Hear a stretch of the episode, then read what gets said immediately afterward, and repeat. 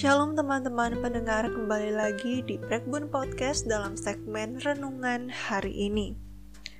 Kali ini kita akan merenungkan satu bagian firman Tuhan yang terambil dari Markus pasal 7 ayat 24 sampai 30. Sebelum itu mari kita berdoa. Tuhan bersyukur untuk kesempatan sekali lagi kami boleh merenungkan firman Tuhan. Ajar kami ya Tuhan untuk mengerti kebenaran firman-Mu dan melakukannya dalam kehidupan kami. Dalam nama Tuhan Yesus kami berdoa. Amin.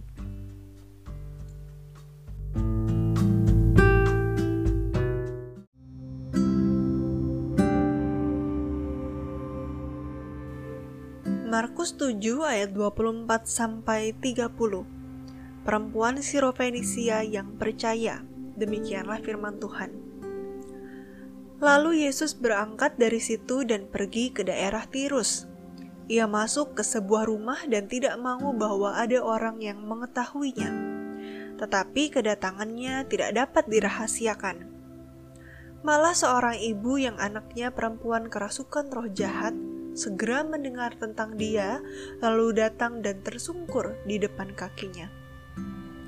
Perempuan itu seorang Yunani, bangsa Siro Fenisia. Ia memohon kepada Yesus untuk mengusir setan itu dari anaknya. Lalu Yesus berkata kepadanya, "Biarlah anak-anak kenyang dahulu, sebab tidak patut mengambil roti yang disediakan bagi anak-anak dan melemparkannya kepada anjing." Tetapi perempuan itu menjawab, "Benar, Tuhan." Tetapi anjing yang di bawah meja juga makan remah-remah yang dijatuhkan anak-anak. Maka kata Yesus kepada perempuan itu, "Karena kata-katamu itu, pergilah sekarang, sebab setan itu sudah keluar dari anakmu." Perempuan itu pulang ke rumahnya, lalu didapatinya anak itu berbaring di tempat tidur, sedang setan itu sudah keluar. Demikian jauh pembacaan firman Tuhan, berbahagialah orang-orang yang mendengar dan merenungkan dan juga melakukannya dalam kehidupan sehari-hari.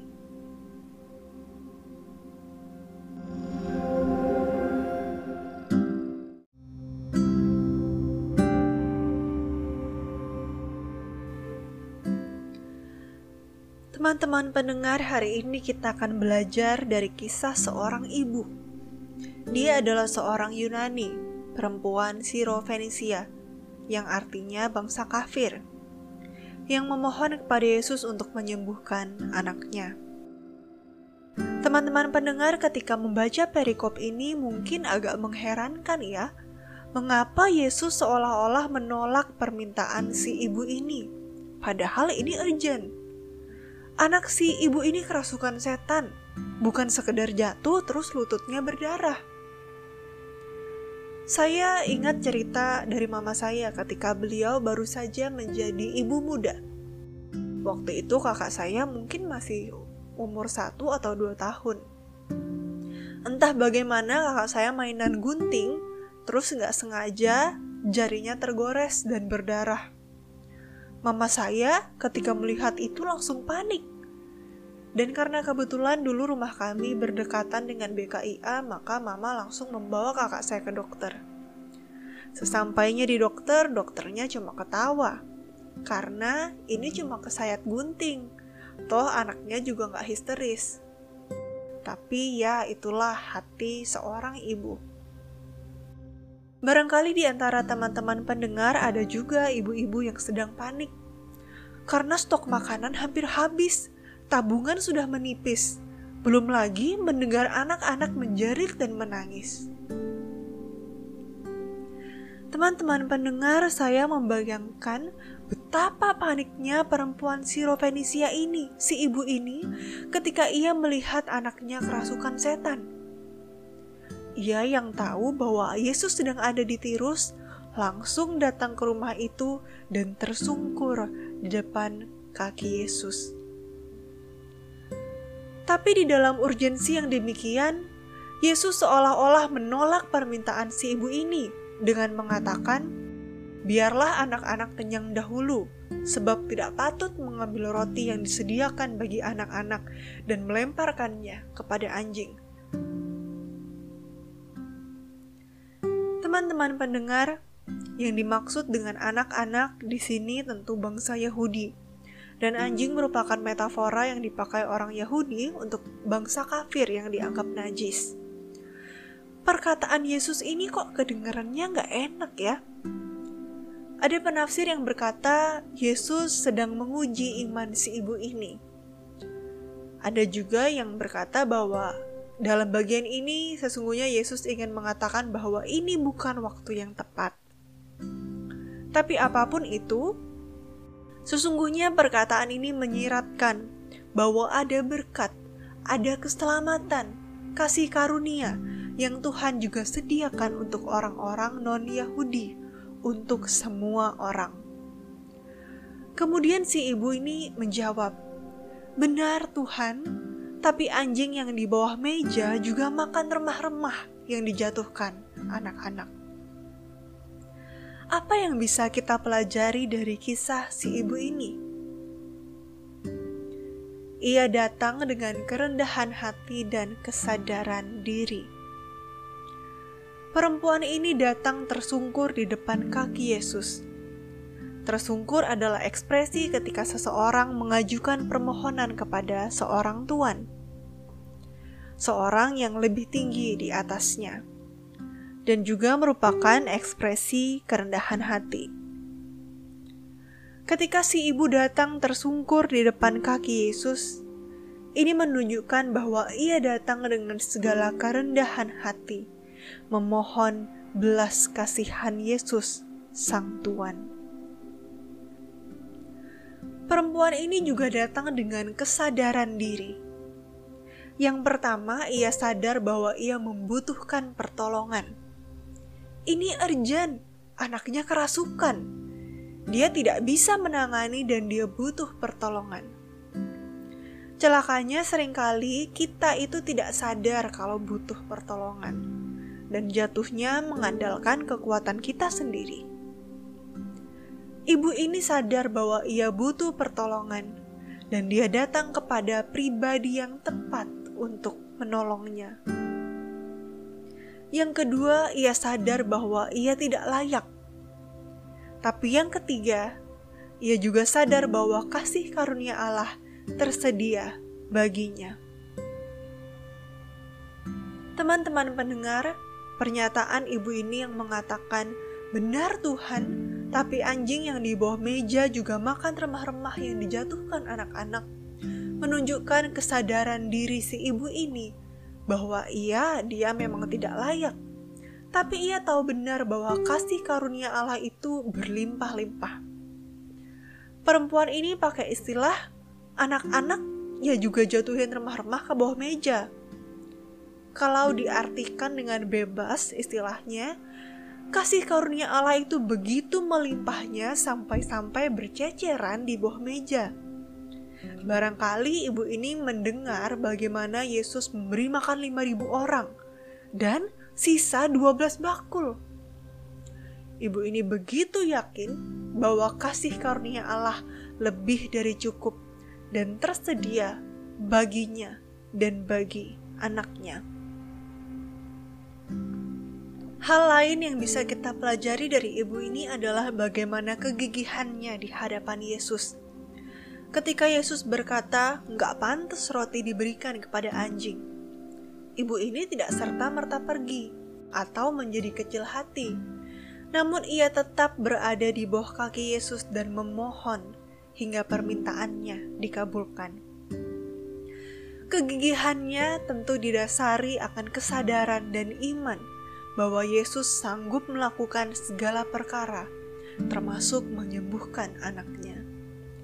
Kegigihannya didasarkan atas kesadaran diri bahwa ia butuh pertolongan, bahwa ia tidak layak, namun ada kasih karunia yang melimpah-limpah yang Allah sediakan.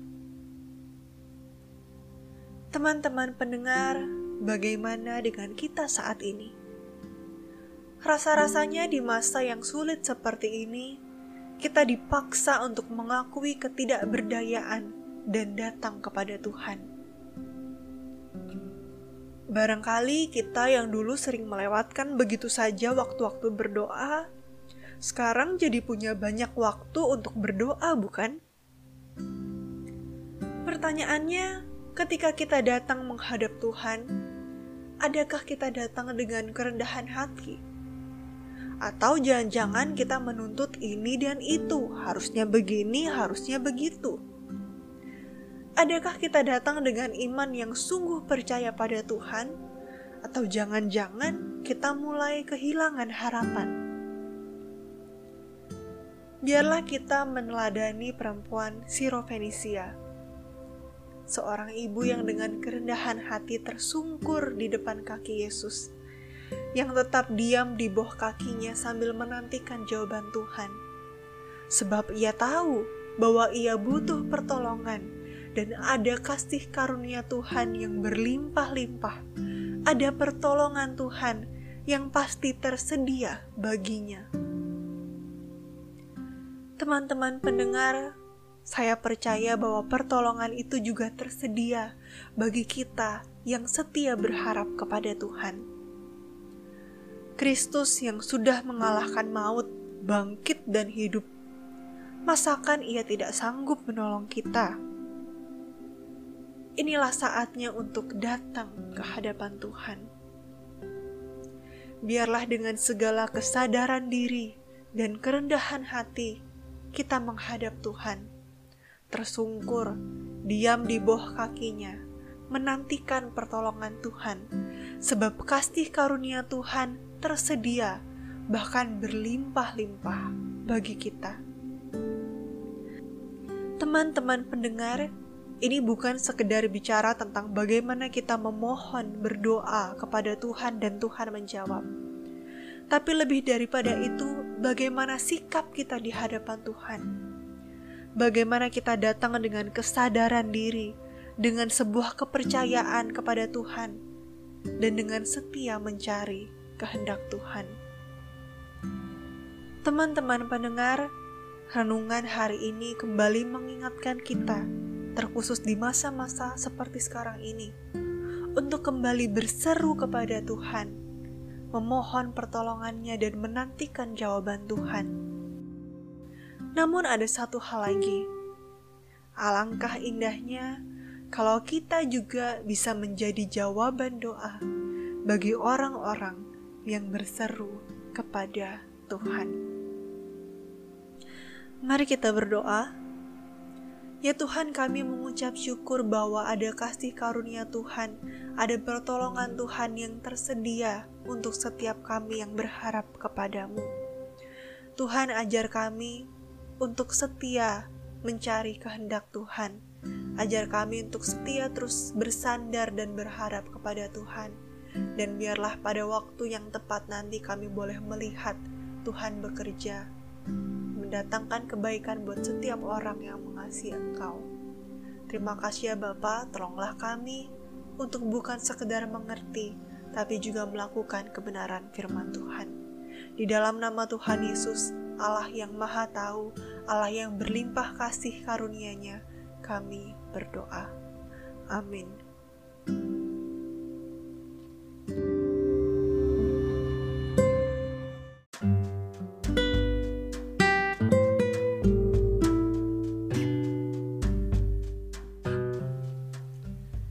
Teman-teman pendengar, demikianlah renungan hari ini.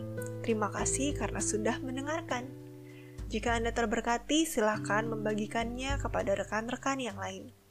Sampai jumpa di segmen selanjutnya. Tuhan Yesus memberkati. thank you